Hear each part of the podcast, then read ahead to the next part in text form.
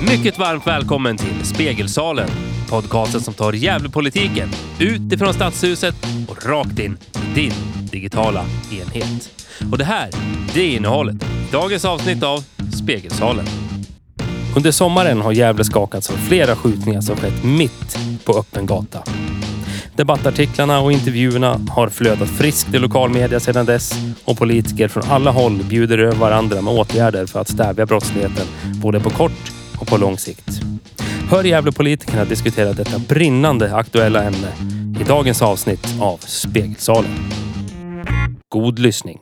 Ska vi börja med att välkomna allihopa till Spegelsalen. Då har vi på min vänster sida här Helena Åkerlind från Liberalerna. Sen har vi Jörgen Jensvik från Socialdemokraterna och Ove Hellberg från Vänsterpartiet. Första gången Vänsterpartiet är här.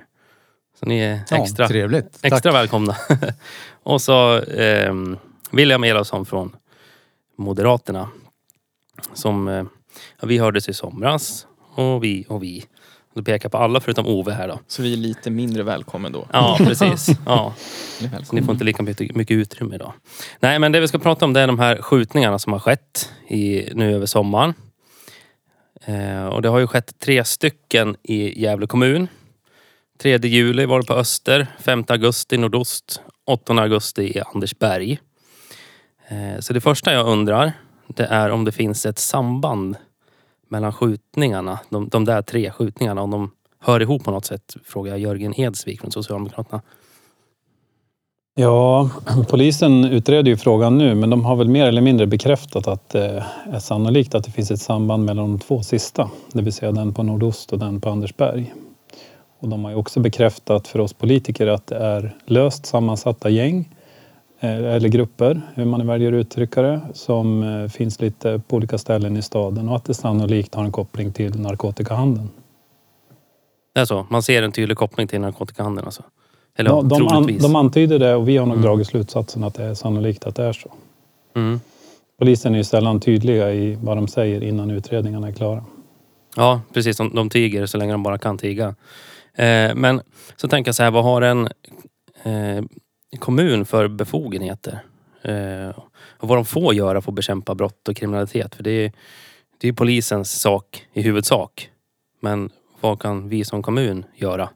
Vi har ju en otroligt viktig roll, eh, framförallt när det gäller det förebyggande arbetet. Det börjar ju redan i förskola, skola med vilka förutsättningar man ger barn och unga. Och sen fortsätter det över fritidsaktiviteter, bostadspolitiken och sen har vi ett direkt förebyggande socialt arbete tillsammans med föreningsliv, fritidsgårdar, socialtjänst, fältassistenter och många andra föreningar som är med för att eh, på olika sätt skapa en meningsfull vardag för barn och unga. Där har ju vi en, en huvudroll skulle jag säga. Mm. Och vad, vad gör ni, lite kort nu, vi kommer komma in på det mer, men lite kort vad, vad innebär det, om vi säger det sociala arbetet? Och det är ganska brett, det innehåller ganska mycket. Och det innehåller väldigt mycket och dessutom har vi ju satt igång den största trygghetssatsningen någonsin i Gävle kommun under den här mandatperioden. Eh, och det innehåller ju mängder med saker men trygghetsplaner i våra stadsdelar där vi vandrar tillsammans med medborgarna och tittar på stadsdelen och försöker åtgärda trygghetsproblem som de lyfter fram till oss. Inte vi till dem utan de till oss. Eh, vi har förstärkt fältassistentverksamheten för att vi ska ha fler eh, socialarbetare ute på, på gator och torg. Vi har eh, ökat resurserna till fritidsgårdarna och satsat extra på sommaraktiviteter så att man ska kunna ha verksamhet året om. Eh, och eh, skolan utvecklas med, med olika insatser, till exempel åtgärder mot psykisk ohälsa för, för barn och unga. Så det finns mängder. Och det som kommer alldeles nu som är, som är nytt, lite nyhet, även om det har skrivits om det, det är att vi startar upp projektet Tjanats hjältar. Som är efter en modell från Linköping där man har då engagerar unga i kampen mot eh, hedersrelaterat våld. Så det är många saker som, som delvis går ihop och delvis går isär. Totalt så sätter vi ungefär 30 miljoner kronor årligen på, på olika aktiviteter där det mesta går till olika former av föreningsliv. Mm. Det viktiga är ju att man klarar skolan. Att eh, man får, går ut skolan med, med behörighet så man kan komma vidare till gymnasieskolan och även går ut gymnasieskolan med behörighet för att komma vidare. Och där har man ju gjort mycket nu i och med att man har använt eh, första lärartjänsterna och de extra pengarna till att lägga i områden där man har sämre skolresultat. Så att lärare där som har en större utmaning också får, får de här tjänsterna. Så man har verkligen gjort mycket de senaste åren i att satsa på de här sakerna. Sen inte att glömma heller den stora satsningen som vi gör tillsammans i regeringen. Där Liberalerna lägger på. Och vi har varit 3 miljarder kronor till att jobba med utanförskapsområdena. Det är både språkförskolor, eh, satsningar på förskolan, satsningar på bostadsområden, satsningar på socialtjänsten och sådana saker som kommer i den här budgeten nu. Vilka skolor omfattas då i eh, du säger utsatta områden. Vilka omfattas här då? då? I Gävle är det ju de som har lägre resultat. Och om man ser på högstadiet då så är ju, är ju, är ju Stora Sätra den skolan som har, har mest eh, social viktningspengar om man säger så. Mm. Sen tänkte jag på en annan sak. Det här med kameror och vakter. Det är ju egentligen alla förutom Vänsterpartiet överens om att det behövs. Jag har då inte läst någonting annat. Det är bara ni i vänster som är tvärt emot. Jag kommer till, till, till Vänsterpartiet om det. Men eh, det saknas Eh, stöd för att alltså, visa att så, övervakning, kommunal övervakning, har, eller kameraövervakning heter det, har eh, en effekt på eh, upplevd trygghet och trygghet överlag. man har gjort tester, Stureplan och Medborgarplatsen i Stockholm har man haft kameror uppe ganska länge och det har inte visat någon effekt där. Eh, men Moderaterna som har en högre ambitionsnivå. Det har jag sett att du har uttryckt många gånger om er ambitionsnivå. Ehm, om det inte finns bevisat att det här har en effekt, varför vill ni då ha ännu mer av både kameror och vakter? Det finns bevisat att, eh, att kameror har effekt.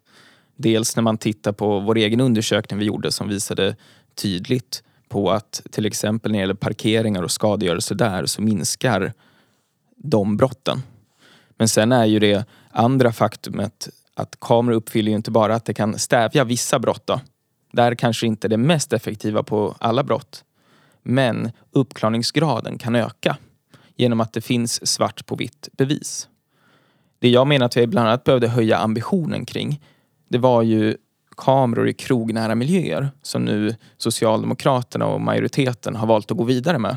Men redan i våras så konstaterade ju polisen, socialtjänsten och vår egen säkerhetsavdelning att det behövs. Så när experterna, även de pekar på att till exempel det behövdes, då tycker jag att vi kan gå vidare med det. Och det är ju, det är, och jag vill inte säga att kameror löser allt. Men det är ett sätt att bland annat kunna klara upp fler brott. Det, men det viktigaste det är ju det här långsiktiga förebyggande arbetet som både Helene och Jörgen var inne på innan. Det är ju skolan. Men det är också arbetsmarknaden. För människor som kan försörja sig själva och vara en del av innanförskapet istället för utanförskapet blir inte en del av den otrygghet som skapas. Och där har vi också presenterat flera förslag. Något som nu senast utbildningsnämndens ordförande dömde ut som en quick fix är vissa punktinsatser vi gärna vill se. Utökad läxhjälp i skolan. Jag tog ett jättebra möte med stiftelsen Läxhjälpen som kunde visa på jättefina resultat när de varit aktiva i andra städer. Där de punktmarkerar och erbjuder läxhjälp till de som har det absolut tuffast. De räknade på att sett hur många som inte klarar grundskolan i Gävle så skulle de vilja hjälpa uppemot 120 elever per år. Och de gånger de har fått gå in så ser man att resultaten ökar drastiskt. Allt fler blir godkända. Nu ska de börja etablera sig i Gävle men med alldeles för få elever. Jag tror det var mellan 15 till 30 stycken. De ser att det faktiska behovet är 120. Och tittar man på siffrorna på vissa ställen då är det tiotals procent fler som kommer klara grundskolan. Och på så vis skulle vi kunna bygga trygghet genom en punktinsats som också, då är det tydligt kopplat pengar till den här insatsen också. Och den är väldigt prisvärd.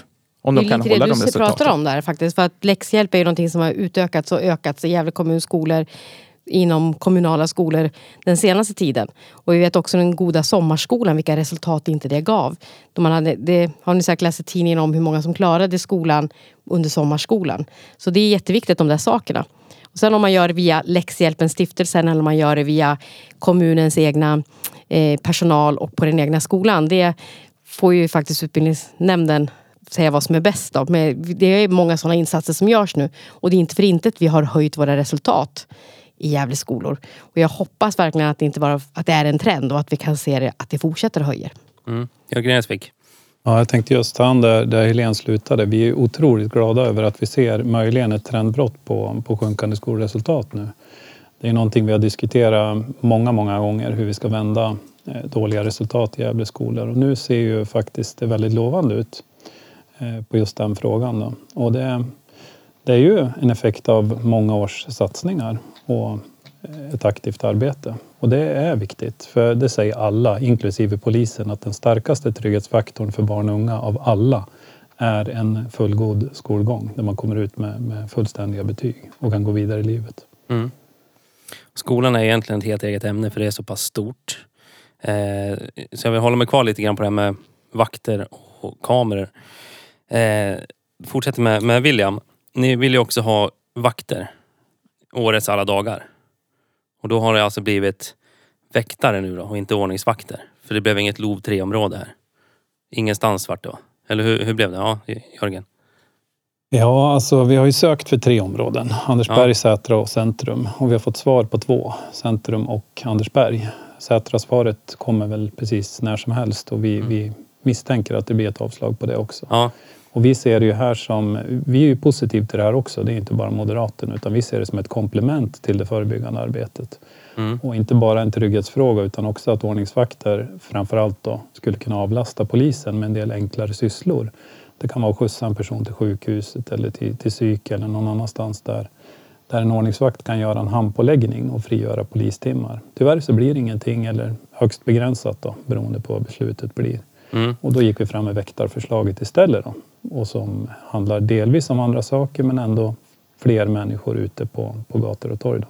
Mm. Är det samma eh, ändamål du tänker att de ska användas till, ordningsvakt eller väktarna då? Som Jörgen? Ja, nu har ni Jörgen smita emellan. Men som han säger, vi tror ju båda partier på att det här kan vara en lösning. Att ha uniformerade personer som kan skapa trygghet. Vi ser ju i Söderhamn har de ju lyckats väldigt bra med att de nästan alltid har samma personer som är ute på gatorna och kan då bygga en relation till de unga som men också äldre som rör sig på gatorna kan så vis skapa dels en upplevd trygghet men också förebygga brottslighet och upptäcka. Men eh, jag måste ju säga att jag tycker det är beklagligt att LOV 3-lagen är så pass trubbig. Att vi nu får nej på flera områden när det finns en bred enighet bland oss partier här att vi vill kunna förebygga brottslighet. Jag tycker som lagen är utformad nu är det lite låt det eskalera tillräckligt mycket så att det finns tillräckligt många anmälda brott. Sen får kommunen skjuta till med eh, resurser. Det är ju lite omvänt för jag vill se det som ett förebyggande arbete. Jag kan också förstå det. För det förebyggande arbetet ska ske på andra planer än att vara liksom just polisväsendet eller rättsväsendet. Där har ju inte kommunen sin roll att spela.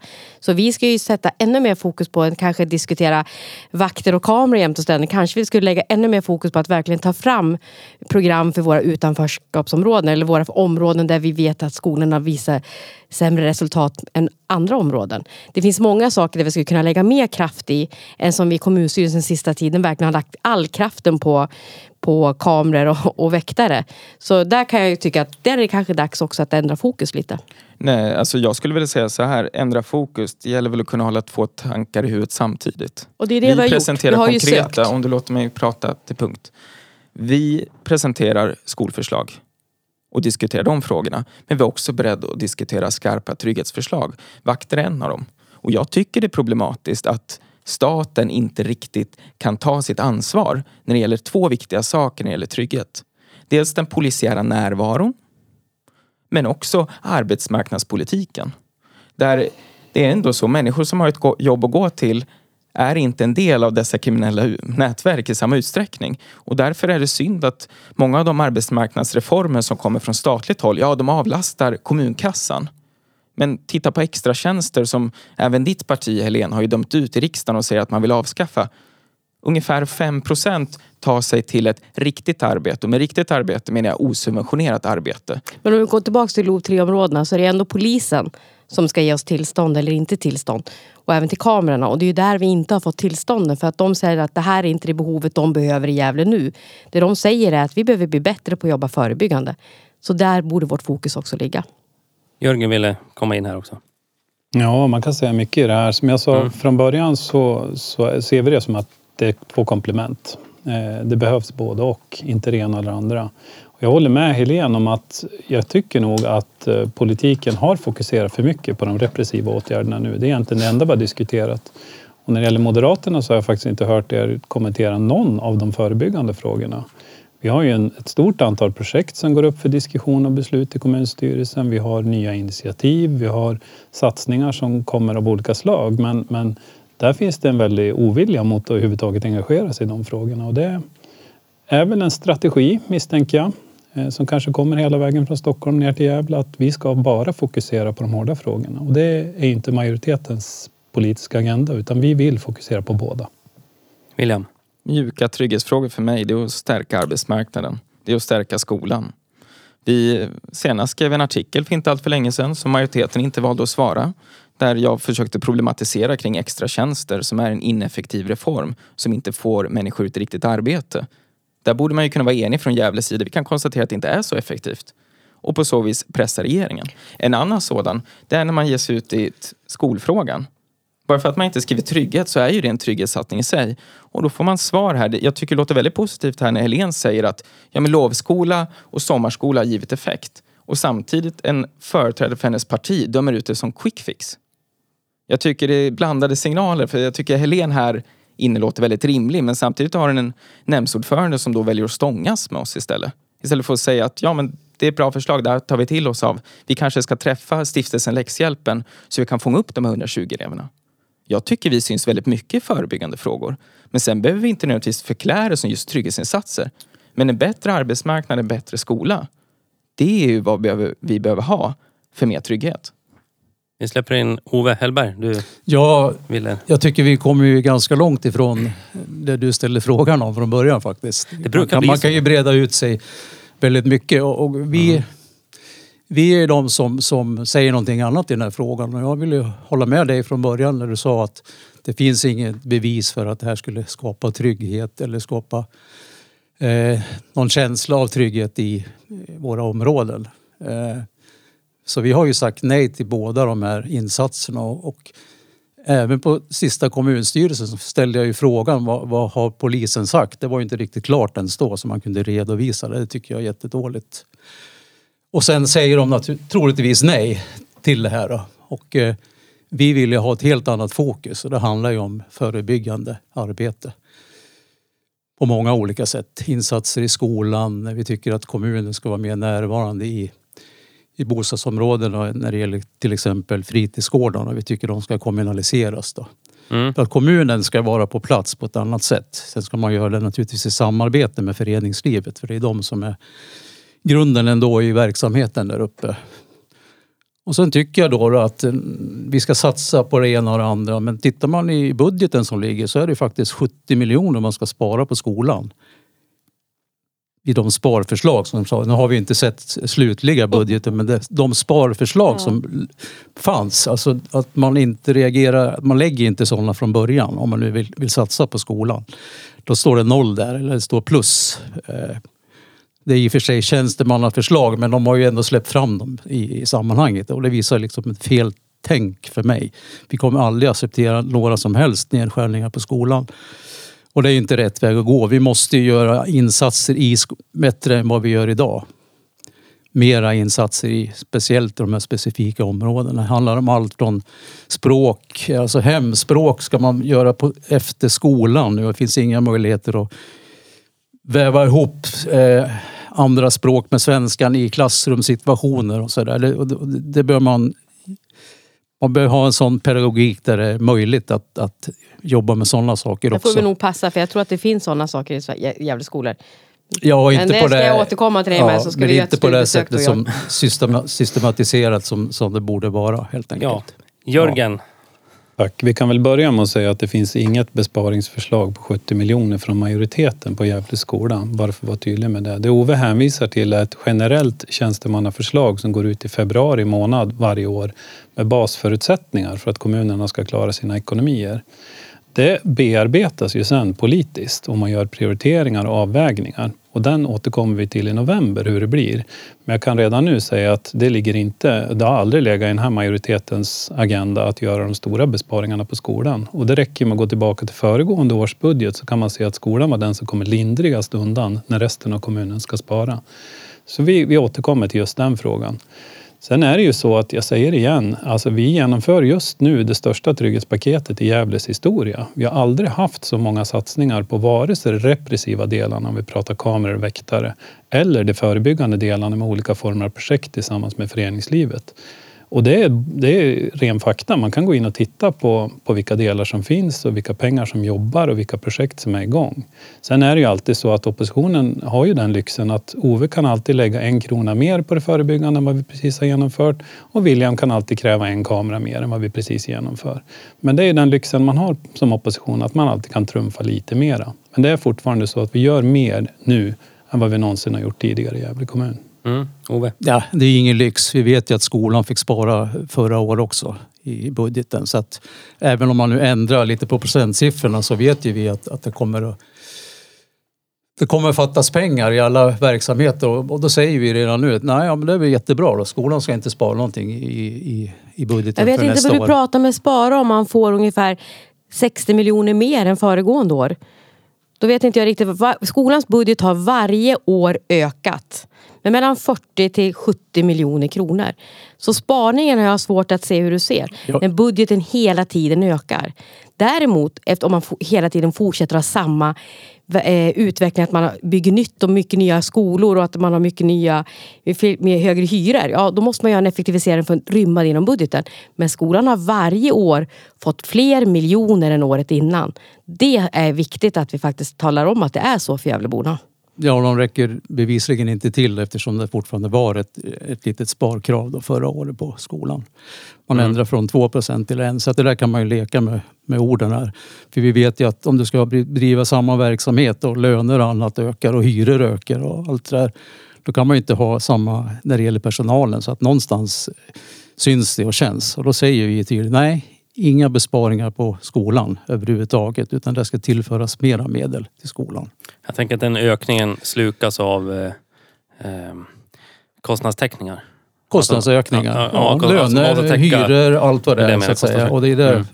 Helene försöker säga lite grann här. Att, Att man det- får mer pengar men det finns ju också, det har Gävle kommun också haft i sin budget sedan 1992 har man haft ett krav för, att ungefär på slut på 80-talet så slutade kommunernas pengar att öka så lavinartat. Våra skatteintäkter slutade öka som de gjorde innan. Då man faktiskt hade pengar kvar som man undrade i slutet, vad ska vi göra med pengarna? Det var, blev inte så på 90-talet. Så från och med det så började man jobba in att man skulle ha en form av effektivisering. Att man skulle titta på att inom verksamheten effektivisera. I det privata näringslivet så är det inget konstigt. Det ligger med där att man varje år funderar på hur kan vi göra saker till en lite lägre kostnad eller hur kan vi göra saker bättre. Det har med utveckling att göra. Så att effektivisering ligger i är också en diskussion om det är en besparing eller om det är en fundering på hur kan vi göra saker annorlunda. För att göra saker lika, varje, lika från år till år är ju inte heller en lösning på något problem. Nej, men kostnaderna ökar ju alltid och täcker man inte kostnadsökningarna då blir det ju mindre för verksamhet. Och så är det ju, det vet vi ju. När staten, när staten kommer med sina paket eh, till landets kommuner och andra reformer så vet man att 20-25 miljarder beror på att man har fått ökade intäkter till staten. Eh, och då kan man använda de pengarna. Men man, man, man har ju inte kommun, statsbidragen till kommunerna på samma sätt utan de ligger ju, de ligger ju still och sen efter ett par år, ja men nu ska de nog få lite mer pengar igen. Men det finns ju inget som säger att de håller den nivå som de har haft. Så man tappar ju pengar hela tiden också. Och det är klart att det drabbar ju verksamheterna till slut. Så är det ju bara. Ja, jo, Och jag vet inte hur mm. länge vi kan hålla på med den här socialliberala politiken. Den, den har nog kört i... I, i, ja, i hundra I- i år, sjön. över hundra år har det gått social, eh, social liberal, liberal politik i Sverige. Ehm, Nej, det har du fel. nej, det tycker inte jag att jag har. Eh, William Elfsson, Moderaterna, sen Jörgen Edsvik, Socialdemokraterna. Sen går vi vidare. William? Tack. Nej men det är ju såklart att välfärden behöver mer resurser. Och jag säger så här då, Ove, jag får ju hoppas att Moderaterna och Vänsterpartiet kan gå ihop i riksdagen igen och skjuta till ännu mer än vad regeringen vill. Där har ju inte regeringen och stödpartier majoritet och där har vi som opposition kunnat gått ihop och gjort skillnad. Men sen när det gäller kostnader i skolan, jag tycker det absolut viktigaste utöver utökade resurser så är det ju vilka resultat man får. Och det är ju ett väldigt långsiktigt arbete när man har haft en negativ trend som nu vi ser börjar vända. Men jag vill återigen betona, jag skulle vilja se det vissa drömhus som quick fix som Helena Helene Åkerlind verkar ha en sund relation till kostnadseffektiva punktinsatser som har visat sig göra skillnad. När läxhjälpen visade, nu, nu är jag lite fast i deras siffror, men det behöver inte nödvändigtvis vara de man använder. Men det är ju en, en stiftelse då som också har 90-konto, alltså insamlingskonto. De gör inte vinstintresse. När de räknar på 120 elever, då tittar de på en fördelning mellan kommun, företagssponsring och stiftelser. 120 elever kan de plocka upp enligt deras kalkyl för mindre än 800 000 kronor. Som de då får någon som hjälper dem med läxor. För det är då vi fångar upp och för mig i den kommunala världen så är 800 000 kronor sett till skolans totala budget inte så väldigt mycket pengar. Men som vi kan få väldigt mycket för. Så jag skulle Ja. jättegärna vilja se att vi nästan gör ett handslag att vi Om man nu kan lösa det där inom skolan och inom skolans ram och inom så är det ju det som är lösningen. Men det kan vi fortsätta diskutera. Jag har inte vetat om det där. Nej, men jag, jag träffar dem jättegärna tillsammans med dig. För som de, om de kan visa på de siffrorna för dig kommer du säkert bli övertygad. Och sen får man ju testa och se om det får det resultatet. För de menar på, på en årskull kan man lyfta upp jättemånga från icke godkänt till godkänt i grundskolan. Och det är en väldigt bra lösning för ett bättre samhälle på många sätt. Mycket mer än bara tryggheten. För, för varje individ som klarar Vi får grundskolan. ju gå tillbaka och titta på vilken skol vi har. Vad vi har för sådana eh, jobb redan. Alltså om vi gör läxhjälp och hur vi gör den idag. Så får vi titta på det. För jag tänkte lite på det för när vi pratade om våra extratjänster. Så har det ju faktiskt visat sig till skillnad från Sverigesiffrorna. Så har extratjänsterna i Gävle betytt väldigt mycket, har slagit ut väldigt bra. Många har kommit både i jobb och utbildning efter de här 400 som vi tog. Och då tog vi också in 400 extra tjänster under Alliansens tid. Det var ju vi som jobbade så hårt med det där. Och vi tog också många ifrån som gick på direkt på försörjningsstöd. Och det har visat sig att många har inte kommit tillbaka till försörjningsstödet. Bättre än alla fas 3, alla andra upp, äh, såna här ek- insatser vi har haft har de här 400 som vi hade i extra tjänster slagit ut. Men- så det är men- positivt. Men Om jag bara får svara kort. Men andelen som tar sig till ett riktigt jobb är ytterst få. Inte Ungefär Gävle. 5 procent. Den siffran som jag hörde i en radiodebatt tidigare nämnas, jag minns inte om det var Jörgen eller om det var du Helene som sa det till mig, att det är 30 procent. Det är ju inklusive subventionerade jobb och utbildning. Jag Men- menar jobb som inte är subventionerade av staten. Det vill säga när en reform verkligen har lyckats och en människa börjar betala in till systemet igen. Det är för få. Och jag, jag tänker inte sitta här och försvara fas 3 heller. Det tyckte inte jag var en effektiv reform.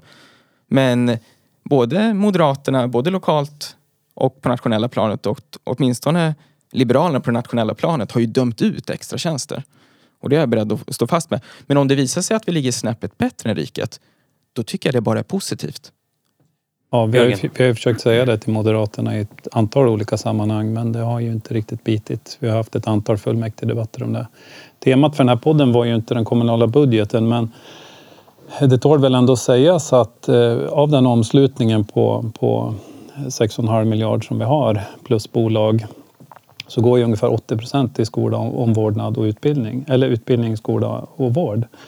Eh, och det är klart att eh, med coronasituationen, med en ny demografi, med fler äldre och fler barn, med eh, en arbetsmarknad som just nu ser ganska trasslig ut, med fler socialbidrag som de flesta kommuner i Sverige räknar med, alltså att försörjningsstödet ska gå upp, så krävs det ju effektiviseringar i kommunen om inte pappa staten öppnar plånboken ännu mer vad man har gjort.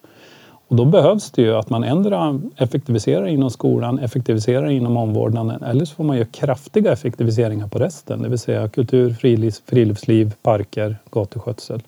Så att det här är ju en, en grannlaga uppgift och nu låter det som vi är extremt oeniga. Men vem som helst kan ju gå in på kommunfullmäktiges webbsändning och se att bråket i november kommer sannolikt att handla om de sista 20-30 miljoner kronorna av de här 6,5 miljarden. Det är väl så det är för de här 80 procenten du nämner, det är väl det som står i kommunallagen att kommunen måste bedriva. Så det är svårt att... Det finns inte så mycket utrymme till annat. Vi försöker släppa det där nu i alla fall. Eh, det finns ju enklare saker man kan göra än bara en kameraövervakning och vakter. Eh, det har ju du William eh, nämnt bland annat bättre utomhusbelysning. Eh, och då tänker jag så här. Det är en jätteenkel åtgärd. Men har det någon effekt? För jag tänker att om jag, när jag tänker tillbaka på när jag var liten så var gatlamporna såna här blåa. Eh, om det var såna här urladdningslampor, stora. Tog lång tid innan de blev ljusa. Sen bytte man till de här orangea för att det skulle bli tydligare, klarare ljus. Eh, men jag kan inte tycka att det har blivit varken tryggare eller bättre med nya LED-lampor till exempel som ska vara ännu bättre än de här orangea. Hur, hur tänker du att en sån åtgärd kan vara eh, kan öka tryggheten? Ja, när, man, när jag var på trygghetsvandringarna nu på Brynäs och Andersberg för arbetet med trygghetsplanerna så fick man ju chansen att prata med väldigt många som bor där och hur de upplever det. Och lyssnar man på dem hur de upplever tryggheten så handlar väldigt mycket om mörka partier på vägen hem från träningen eller jobbet. Det handlar om buskage som är väldigt skymmande. Där man kan intala sig själv att det kanske är någon som står bakom. Det handlar ju också om upplevd trygghet. Sen tror jag säkerligen i vissa fall att det kan möjligtvis flytta viss kriminalitet när man lyser upp. Men det handlar om upplevd trygghet och vill vi ha en stad där man känner sig bekväm att cykla hem från fotbollsträningen, ja då tycker jag att då ska vi fixa lampor för det. Och sen vilken färg lamporna så, det kanske är preferenser. Men jag vet att i alla fall många där, de vill ju ha de här nya som inte bara lyser upp själva cykel och gång gångstringan utan att den lyser också upp skogen bakom. Det vill säga att den fångar upp mer av ytan runt omkring en så man ser om man Ja, men det, de det minns jag partierna. när jag satt i kulturfritidsnämnden och vi pratade om belysningen i Hemlingby, Hemlingbyspåren. För där vill man att så lite som möjligt ska läcka in i skogen för det stör nattdjuren. Det blir ju samma ute så här i stadsmiljön för jag har ju nattdjur här också som är nattaktiva. Då är inte det så bra heller. Ja, det beror på vad man väljer att prioritera. Jag tycker att Ja. människor ska kunna kä- känna sig trygga hem från träningen. Så det, är- det är överordnat för mig. Men sen får Mm. man ju hitta någon gyllene medelväg. Nu är inte jag expert på hur ljus påverkar nattdjur och så vidare.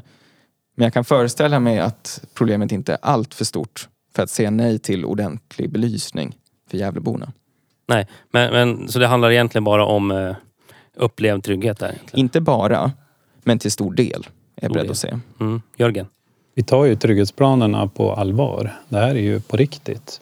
När vi går ut och pratar med medborgarna i en stadsdel och, och fångar upp alla deras synpunkter och åsikter och vandrar runt med dem i deras egen stadsdel, då är det på riktigt. Och det var ju också anledningen till varför vi kopplade pengar till ett direkt genomförande av trygghetsplanerna. Det vill säga egentligen dag ett efter att trygghetsplanen har satts igång och och trygghetsvandringen har varit så sätter man igång och börjar åtgärda precis det William var inne på. Buskage, belysning, vad det nu är som medborgarna lyfter fram.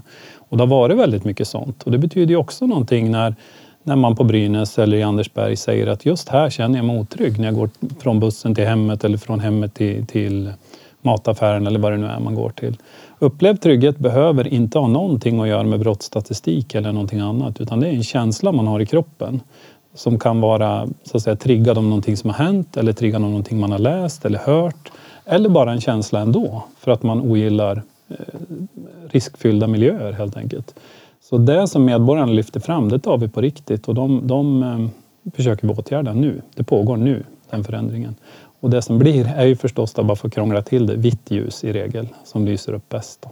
Mm. Men blir det jättestarka strålkastare eller vad är det man tänker sig? Ja, Jag tänker det är väl tjänstemännen nej. som sköter det där. Ja, men nej. ni har väl någon form av vision? Ja, jag. nej, det blir inte jättestarka strålkastare. Jag menar, vi hade en debatt för några år sedan om hur Strömvallens eh, belysning, strålkastarbelysning störde villastan. Alltså det, det är inte Ja, så det. man lägger upp det utan det blir gatubelysning med vitt ljus som lyser upp bättre och ger en, en ökad lumen då, eller vad det kallas i, i de här sammanhangen.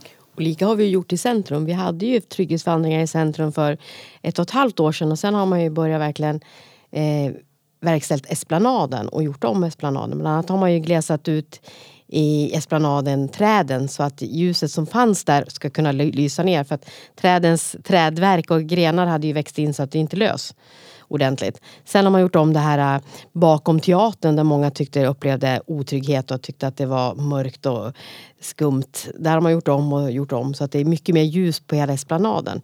Och det upplever ju folk, jag upplever själv som går där ofta när jag går hem att det är fler som är i rörelse och är i esplanaden sen vi har gjort de här satsningarna. Och det innebär ju också, är det ljust så fler är där, så ökar det tryggheten. Ju fler som är där, ju tryggare blir det också liksom att man är fler som är ute och rör, rör sig på samma ställe. Det blir en kedjeeffekt, alltså positiv kedjeeffekt. William? Nej, men där tycker jag Helene är inne på något väldigt viktigt. Men människor i rörelse skapar ju oftast trygghet. Att det är människor som syns. Jag tror ju promenaden längs Gavelån är väl som tryggast under ådraget. När det är flera hundra som går längst. Då behöver man aldrig tveka när man går där. Vi, när partierna kan vara mörka. Så man får ju fråga sig dels hur man kan aktivera civilsamhället till att göra saker så att det blir människor i rörelse. Men också vad vi kan göra. Till exempel att renovera till exempel Esplanaden som vi har gjort. Nu är ju det väldigt tydligt upplyst med vitt ljus. Det är inte alls lika mörkt som innan och då blir man ju mer bekväm med att vara där. Friluftsfrämjande har ett eh, uppdrag här. Att få ut folk. Var ute mer. Ja, inte bara dem, men människor i rörelse är någonting positivt. Ja, så är det. Absolut. En annan sak som man brukar prata om är, när det gäller förebyggande syften så är det fritidsgårdar. Och där har det ju, som Helena Åkerlind nämnde då, tillförts en del pengar. Totalt är det väl ungefär 2,5 miljon på senaste två åren. Eh, jag tänker så här, hur har de fördelats på kommunens nu åtta fritidsgårdar? För FUB har väl lagts ner i Hedesunda? Är det så? Helena Åkerlind har ordet. De har, FUB är väl på väg att man tittar på möjligheter att starta och få lokaler igen. För de ska ju in i det nybyggda allaktivitetshuset sen när det är färdigt. Men det har inte börjat byggt än. Så där håller man på att Men, diskutera ja. om man kan få andra lokaler med. Så att jag vet inte riktigt. Just nu så har de väl inte igång men man håller på att titta på att den ska kunna starta upp då. Ja, men det finns åtta Det fritidsgårdar. finns åtta. Ja, och hur eh, har pengarna fördelats? De har fördelats eh, dels olika. Dels har de fördelats rakt av i grundpengen som vi gav. Eh, så alla har fått mer. Sen har de också fördelats på de tre stora gårdarna kan man säga. Och det är Brynjan, eh, eh, Helges och Träffen. Har fått den största delen. Hur mycket har utav- de fått av pengarna? Ja, det är svårt att säga. Det var ju sommarpengarna som var en en- engångsgrej. Där var det tydligt att de tre gårdarna fick mest. För de också hade mest aktiviteter. För där sökte man ju för aktiviteter man skulle ha under sommaren. Och då var, då var de här tre gårdarna utmärkte sig. Så därför fick de också mest pengar. Eftersom de hade mest verksamhet under sommaren. Jag, undrar också en annan sak som du gärna får svara på. Eh, finns det någon forskning eller någon undersökning som visar att fritidsgårdar faktiskt är ett bra preventivmedel så att säga för kriminalitet? om man har växt upp på fritidsgård själv, vilket jag har gjort då, på Brynjan, på Brynäs, så vet man ju att det är ett, ett vardagsrum. På, även som det är nu i många stadsdelar så var det inte så att jag fick ta hem mina vänner och bekanta. Alltså som mina söner kanske mer har fått varit hemma och göra saker. Men på en tid jag växte upp på, på Brynäs var det inte så att mamma och pappa i vår lilla trea ville ha hela gänget, hela gården inne hos oss. Liksom. Så att det var ju ett sätt att umgås, att vara med kompisar. Gården betydde så mycket. Och har man varit i Sätra, det har mest har varit, på träffen och på paletten för de yngre barnen. Eh, då märker man ju verkligen att det är deras vardagsrum. Det är där man kan eh, träffa kom- kompisar, det är där man kan rusa av sig, det är där man kan göra roliga saker. Liksom. För hemma har man, som, precis som jag när jag växte upp, man har inte utrymme för att kunna ha fyra kompisar hemma. Liksom. Det finns inte den möjligheten. Men där kan man verkligen vara en hel del. Så jag har jättestor betydelse för att vara tillsammans med sina kompisar. Och ha ett vardagsrum. Ja, men är det förebyggande? Ja, det är det. Med le- ledarna och med den verksamhet som finns så finns det ett alternativ till att dra omkring eh, och kanske inte ha någonting att göra utan bara dra omkring liksom och, och utan mål och mening så är det här verkligen jättetydligt. Det och i idrottsrörelsen som också är både i Sätra och överallt i, vårt, i vår stad spelar jättestor roll. Jörgen Edsvik. Ja, här kan, vi, här kan vi prata länge kring fritidsgårdar. Jag och Helene brukar ju träffa dem regelbundet i grupp då, och diskutera hur fritidsgårdarna har det, vad de gör, kvalitetsaspekter och så vidare. Eh, förra året så fick de en höjning på en miljon per år att fördela. Eh, och det var den första höjningen för fritidsgårdarnas verksamhet sedan 2012. Vilket eh, kanske inte är så bra att man har missat att att höja upp deras anslag under lång tid. Men nu, nu har de fått en årshöjning på en miljon. Ovanpå det så lägger, man in en, lägger vi då in en och en halv miljon ytterligare för sommarlovsaktiviteterna. Och det gör ju att det reella anslaget är ju då två och en halv miljon per år till gårdarna som fördelas som Helene sa. Då. Eh, preventiva effekten, jag växte upp i Ljusdal och det var ganska stökigt där. Alltså ibland så Ibland så har vi en tendens att romantisera vår barndom och glömma bort allting som hände då och vi ser bara nutidsproblemen. Men det fanns mycket sociala problem i Ljusdal kring alkohol, kring droger, kring slagsmål och mycket annat, skadegörelse. Fritidsgården var ju den punkt där det inte tolereras någonting sånt där, utan där är det lugnt. Det är en aktivitetsplats du kan gå till, eller ett vardagsrum som du uttryckte det, där det inte tolereras de här sakerna, där du faktiskt har, har en chans att göra aktiviteter övervakat av vuxna under ordnade former. Och precis så är det ju i Gävle också förstås. Eh, och vi har ju klassklyftor i vårt samhälle. Vi har trångboddhet i vårt samhälle och många verksamheter stänger vid vissa klockslag. Att det faktiskt finns ett ställe att gå till då under några timmar till är ju viktigt för att man faktiskt ska få ett utlopp för sin energi och, och ha en plats att gå till. Mm. Ove? Ja, nej, men det här är ju jätteviktigt. Trångboddheten är ju betydligt större än när Helen växte upp så att behoven är ju jättestora att ha någonstans att, att gå till. Det är många som, eh, ja, är det många barn i en, en trea så kanske man vill komma ut lite och få träffa kompisar på ett eh, tryggt och säkert sätt. Så är det.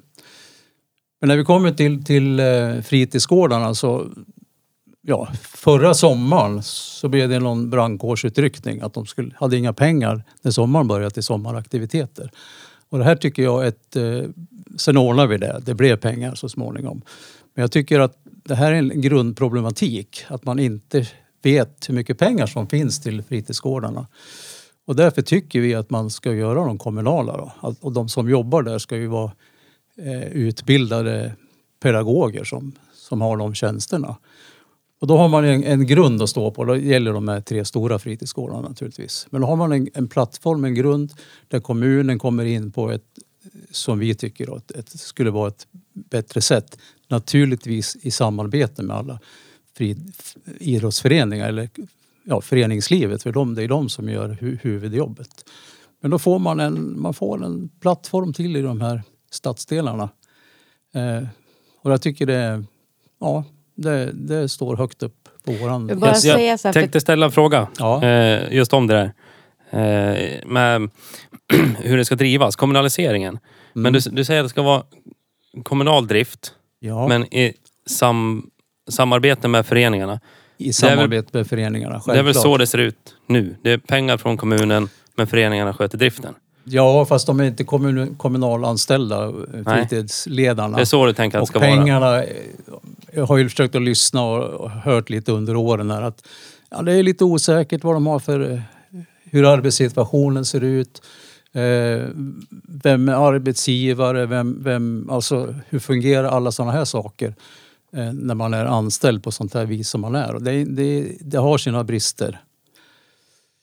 Vi vill ha det under mer ordnade former helt enkelt. Mm, det finns alltså en osäkerhet bland personalen. De vet inte riktigt hur, hur kommer nästa år se ut. Nej, Att de om man måste inte ens vet vilka pengar man får från år till år så blir det ju lite Fast det knepigt. där är ju inte sant. De har ju ett avtal som håller. Sen kan vi ju alla hålla med om att man kanske skulle tidigare ha lagt till den här miljonen eller den här en och en halv och så. Att man måste hela tiden titta så att man ger rätt förutsättningar på våra fritidsgårdar. Men att de är- fritidsgårdarna våra är drivna i föreningsform, att det är föreningarna i Gävle som driver. Det har varit bra för Gävle kommun. Det har också visat sig vara en enorm sak för det finns nästan ingen kommun i vår storlek som har så många fritidsgårdar. Som egentligen har nio då, en är vilande nu och åt- åtta som är dri- drivs just nu. Det finns Plus- ingen som har så många Plus fritidsgårdar. Rapattack. Och rapattack också då. Så, så att eh, ja, det har varit en, en väl en väl verksamhet, en väl fungerande verksamhet. Någonting som vi ska vara stolt över. Och det också visar vilken stark föreningskultur det finns i, i, i, vår, i, vår, i vår stad. Och inte bara det, utan det är många idrottsföreningar som också är som driver. Att idrottsrörelsen är stark i vår kommun. Mm. William? Nej, alltså fritidsgårdar det har viss effekt. Det har det ju, men det är ju inte det viktigaste skulle jag inte säga. Men det är en del av en, en väldigt komplex situation som hjälper. Men om jag tidigare här har förespråkat att man ska sitta och ha läxhjälp hela eftermiddagarna om man har det tufft i skolan. Ja, då försvinner ju tiden som kanske hade lagts på en fritidsgård. Eller så kan man ju se över exakt hur man jobbar med fritidsgård och vilka krav vi kan ställa som kommun. Rappatak ligger ju verkligen i framkant när det gäller att ställa krav. Ja, du ska ha ordentliga betyg, det ska gå bra i skolan. då får du delta på aktiviteterna. Och man kan styra mer åt det hållet. För visst läste läxor på alla fritidsgårdar men jag skulle säga i olika utsträckning. Eh, en annan sak som jag tänker på, om jag tittar tillbaka på vad jag var som barn. Då. Jag var ju inte på fritidsgårdarna nödvändigtvis. Jag var ju på fritidsklubbarna. Nu är det också ett förslag man tittar på från tjänstemannahåll. Det är ändå en satsning som kostar 15 miljoner per år. Ska vi ha det, ska vi inte ha det? Jag tycker att det kan vara nödvändigt. Men det som är det absolut viktigaste, det skulle jag säga de här sommarlovsaktiviteterna. Att man, när man inte har skola, att man har någonting att göra. Och därför var de här sommarlovspengarna så viktiga. För där tillkommer ytterligare en vinst som man inte har på samma sätt i fritidsgårdar eller på fritidsklubbar. Och det är ju att då möts man ju garanterat över stadsdelsgränserna. Jag gick ju sommar, eh, vad heter det, fotbollskulan när jag var liten. Jag för mig att den hette så. Då träffade man ju personer från olika stadsdelar. Och det var ju oerhört värdefullt. Och där är ju också frågan, hur mycket kan vi ställa krav på att fritidsgårdarna, ja det är såklart det sker träffar över stadsdelarna även där. Men nu kan vi ställa krav på att de också rör sig mot att man träffar att människor som bor i Andersberg träffar människor som bor i Bomhus. Och, det där borde du veta. Vi gav extra pengar till Strömsbro som hade ett integrationsprojekt i sin årets sommarkul eller sommaraktiviteter. 30 000 fick de för att de jobbade tillsammans med Nordost och Andersberg och eh, Strömsbro Stixlund. Och då borde veta. Jag sa ju inte att det inte är så. Ja, jag sa att det är väldigt bra. Det är väldigt bra. Jag trodde du sa att det skulle bli så. Att det skulle nej, vara nej, mer så. Nej, ja, på så. fritidsgårdarna kan det bli ja. mer så. Men det var ju fritidsgården Vävan som, tog, som gjorde det. Ja, men det var det, det de fick pengar det, för. Men det säger ju inte att jag inte kan säga att det finns mer. Ja. Utan jag välkomnar de sommarlovspengarna som vi också sa ja till. Mm. För jag tycker det är så viktigt att man möts över stadsdelar. Mm. Så jag skulle vilja påstå att jag vet. Och jag är faktiskt beredd att berömma dig för det då. Och alltså, där gör ju vävarna ett, ett jättebra jobb. Ännu mer sådana saker skulle vi eh, behöva se. Att man vågar jobba i hängrännor istället för stuprör i varje stadsdel också. För det skulle betyda mycket. Framförallt för ungdomarna sen de kommer till gymnasiet. För då kommer man ju träffas oavsett vilken stadsdel man bor i. Och då är det viktigt att man har, kanske har lite kompisar innan. För gymnasiet är alltid lite läskigt att börja på. Jörgen? Det mesta förebyggande sociala arbetet kretsar ju kring att man måste knyta an. Alltså om en vuxen ska kunna nå en ungdom och diskutera vanor eller beteendemönster eller eh, vart man befinner sig olika tider på dygnet och så vidare så måste det finnas förtroende och respekt mellan individer. Det där jobbar ju polisen stenhårt med när man är ute i stadsdelarna. Eh, det är en av anledningarna till varför jag tycker att ordningsvakter skulle vara bättre än väktare för ett förebyggande trygghetsarbete utifrån att ordningsvakten kan vara på plats, precis som vi pratade om tidigare med Söderhamn som har rekryterat människor som är duktiga på att knyta an till andra människor och skapa kontakter. Och just där har vi fritidsgårdarna. Fritidsgårdarna är en av de första instanserna som vi ringer när vi tycker att det händer någonting i en stadsdel. För att vi vill få koll på lite grann vad vet de, vad har de hört, vad är det för känsla man har. Just på grund av att man knyter an till väldigt många unga. Många fritidsgårdsledare är förebilder för de här unga individerna. Vilket är viktigt i sig. Det behövs inte så mycket mer forskning för min del för att stödja det, det fenomenet i vårt samhälle. Och som Helene sa så har vi fler fritidsgårdar än många städer i vår storlek. Ja, det är fritidsgårdstätt här, det är absolut. Det är i princip en per varje stadsdel. Men de borde sitta och läsa läxorna på fritidsgårdarna säger jag. Ja, det, det, men... det är framförallt en förändring jag vill se. För så här, ja, fritidsgårdar är viktigt men inte lika viktigt som att klara skolan. Och då det kan finns... man ställa tydliga krav på att det är liksom läxor alltid fokus. Det, då kan finns... ju fritidsgårdarna bidra ännu mer. Det finns också fritidsgårdar där man får lära sig att göra appar. Det finns fritidsgårdar där man får lära sig sjunga. Det finns fritidsgårdar som lär ut mängder med skills till de här ungdomarna som man kan ha nytta av i en mängd olika sammanhang, inklusive läxläsning. Ja, det låter som att du pratar mycket om Rapattack där. Som är ja, lite eller, annat. Det, det eller helt... Helges för att ta Ja, Helges exempel. också. Ja, precis. Det är lite så här exempel så. Eh, som är helt privatdrivet också. Det... Nej, fel. Vi ger bidrag till Rapattack varje år. Ja, okej. Okay. Och jag flika in också. Och det är inte fel att man lär sig de här andra skillsen som Jörgen säger. Men det viktigaste är alltid att klara skolan. Mm. Sen kan man lära sig viktiga och bra saker som till exempel att kunna programmera appar. Det, det, kan man säkerligen få jobb på i framtiden men skolan är grunden, det är det viktigaste. Skolan först. Var inte det Liberalernas eh, slogan? Ja, och Eh, ibland är det ju faktiskt så att det kanske är också andra saker som behövs. Jag vet ju jag är gammal ung företagsamhetsarbetare när jag jobbar med ung företagsamhet. Så var det kanske just att få den här saken att bli trodd, att man kände att man eh, kunde, att man kunde förverkliga sig själv, att man fick folk som trodde på en. Som gjorde att du också klara andra ämnen. För att du fick möjlighet att driva ett företag, starta och driva ett företag under ett år. Så ibland så är det ju så att det här som får dig att komma igång i skolarbete kan vara någonting annat. Det kan vara gitarrlektioner, det var det för mig. Det var så jag lärde mig matte.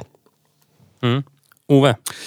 Ja, nej, jag tror inte vi ska lägga sådana krav på fritidsgårdarna. För det är väl kanske att eh, de som allra mest behöver vara där och ta del av aktiviteten och känna gemenskapen där kanske inte kommer dit. Och det är ju ingen bra start. Utan det här är väl i första hand en fråga för skolan. Sen skulle jag bara vilja komma tillbaka till det här med fritidsgårdarna. Vi tycker naturligtvis att de gör ett jättebra jobb idag. Det är bara att vi vill organisera det på ett annat sätt. Ha lite annat när det gäller personal då, som jobbar där.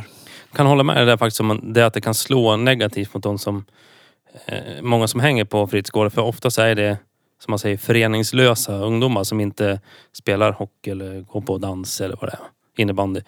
Och de, alla är det inte så för men säkerligen många som har det lite knackigt i skolan. Och då kan det slå fel om man ställer för höga krav. Men samtidigt så tycker jag att det behöver inte vara tvångs, alltså tvångsmässigt. Ska du vara här så måste du läsa läxor. Så behöver det inte vara. Men det skulle ju kunna finnas. Ni måste ha en läxstuga. Skulle man kunna ha i, i anbudet. Eller kraven i anbuden.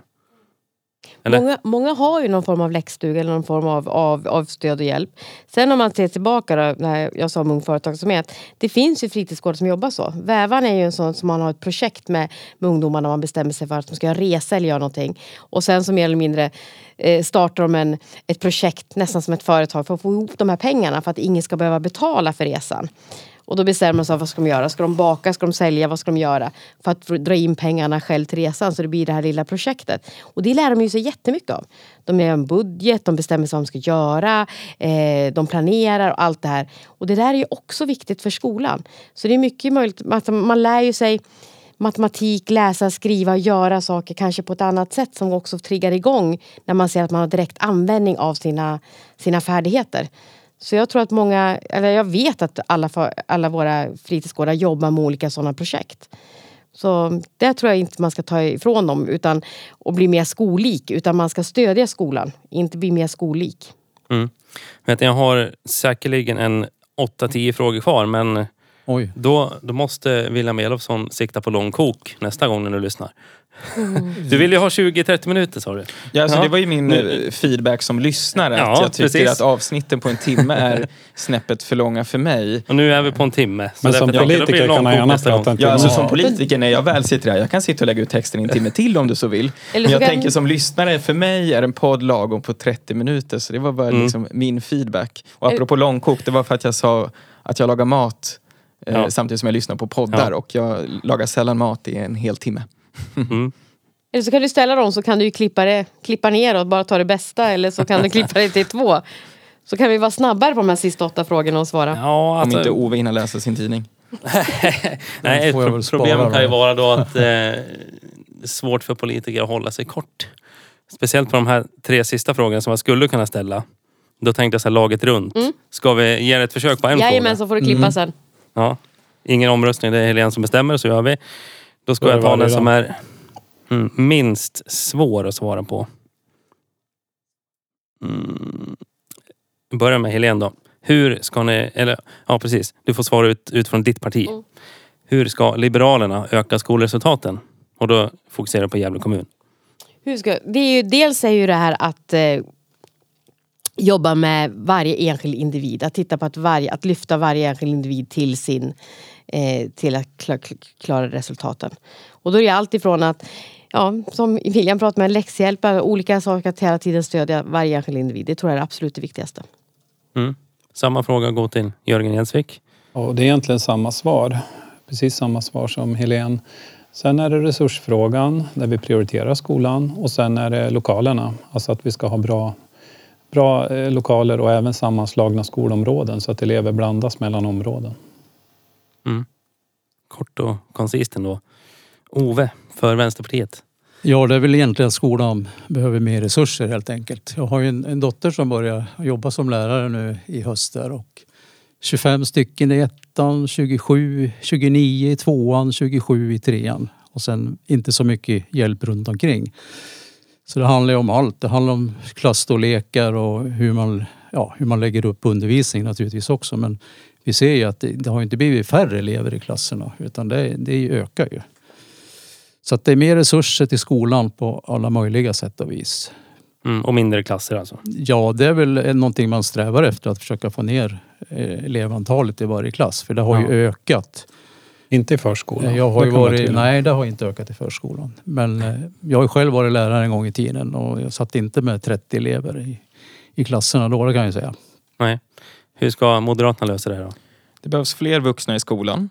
Både i form av lärarassistenter om vi blir klara med det förslaget, men också fler lärare. Vi behöver en stärkt elevhälsa, men också det jag tjatar om. Jag vill att Gävle kommun lägger sig i framkant när det gäller punktinsatser för bättre skolresultat.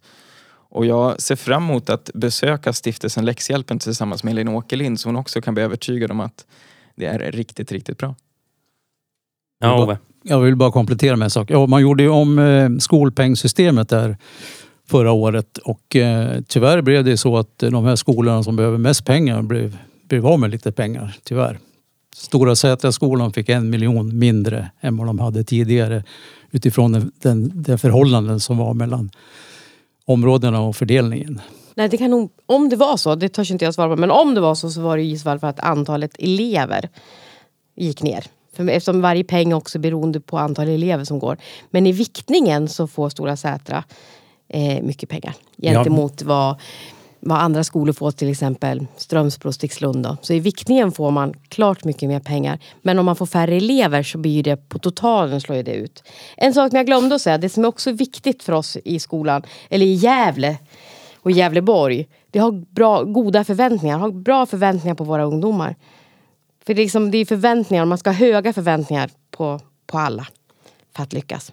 Ibland tycker jag vi har lite låga förväntningar både på oss själva som län och som kommun. Många gånger på våra ungdomar. Vi ska ha höga förväntningar på oss. Jag har planerat in ett avsnitt som ska handla om skolan senare i höst. Kanske någon av er blir inbjudna till det. Får ni vara med och briljera där. Men för idag så tackar jag er för att ni har varit med i Spegelsalen. Tack så mycket. Tack så mycket. Tackar. Tack. Tack för att du har lyssnat på det här avsnittet av Spegelsalen. Om du gillar innehållet får du gärna dela det i dina sociala mediekanaler och med dina vänner och med andra som kan tänkas vilja höra.